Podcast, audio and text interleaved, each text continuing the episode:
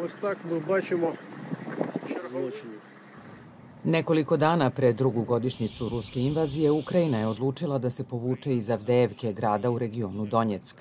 U Sjedinjenim državama Bela kuća okrivila je kongres što nije obezbedio dodatnu pomoć, ističući da Ukrajinci nastavljaju da se hrabro bore, ali im ponestaje zaliha.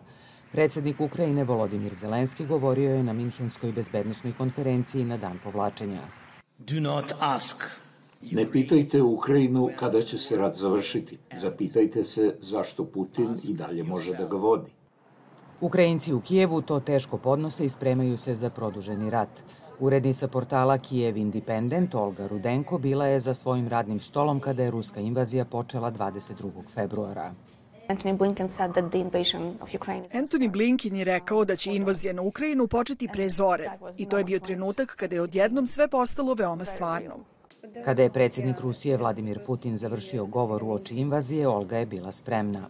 We prepared a news item saying Putin announces um, Pripremili smo izveštaj da je Putin objavio rat u Ukrajini i kada je završio govor objavili smo ga. I otprilike u to vreme čuli smo eksplozije.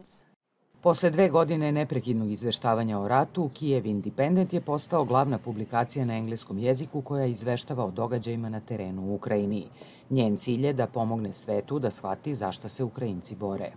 It is very frustrating to be here in Veoma je frustrirajuće biti ovde u Ukrajini i gledati sve vesti koje stižu iz Američkog kongresa koji ne može da glasa za paket pomoći za Ukrajinu, jer je za njih to možda samo jedna suma, jedna brojka. Ali za nas radi se o stvarnim životima i stvarnim ljudima.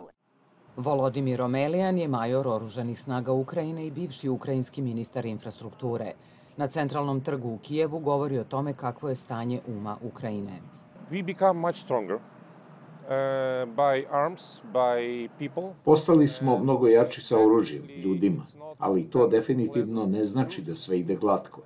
I nije da će se rat završiti za dve ili tri nedelje ili vrlo brzo. Nažalost, bit će potrebno vreme, ali moral je i dalje veoma visok. Kad nema volje, nema ni pobede, a u našem slučaju volja je jaka. Stanovnici Kijeva se nadaju da će rat prestati. Uh, I want to see my mother, father. Želim da vidim majku i oca, oni su u inostranstvu, a ja sam tu, pošto ne mogu da odem kod njih. We scary every day. Plašimo se svakog dana, svake noći. Želimo mir u našoj zemlji. Želimo da zaustavimo Putina i vratimo našu. To će biti dugi rat. Osjećam se užasno. Ukrajina neće moći da pobedi tog velikog neprijatelja bez podrške međunarodne zajednice. This big enemy without international community. Ukrajinci koji su govorili za glas Amerike rekli su da će ako budu regrutovani da idu u vojsku i brane svoju zemlju. Takođe su rekli da se nadaju da svet razume da se oni bore za zajedničke demokratske vrednosti i da im je potrebna pomoć.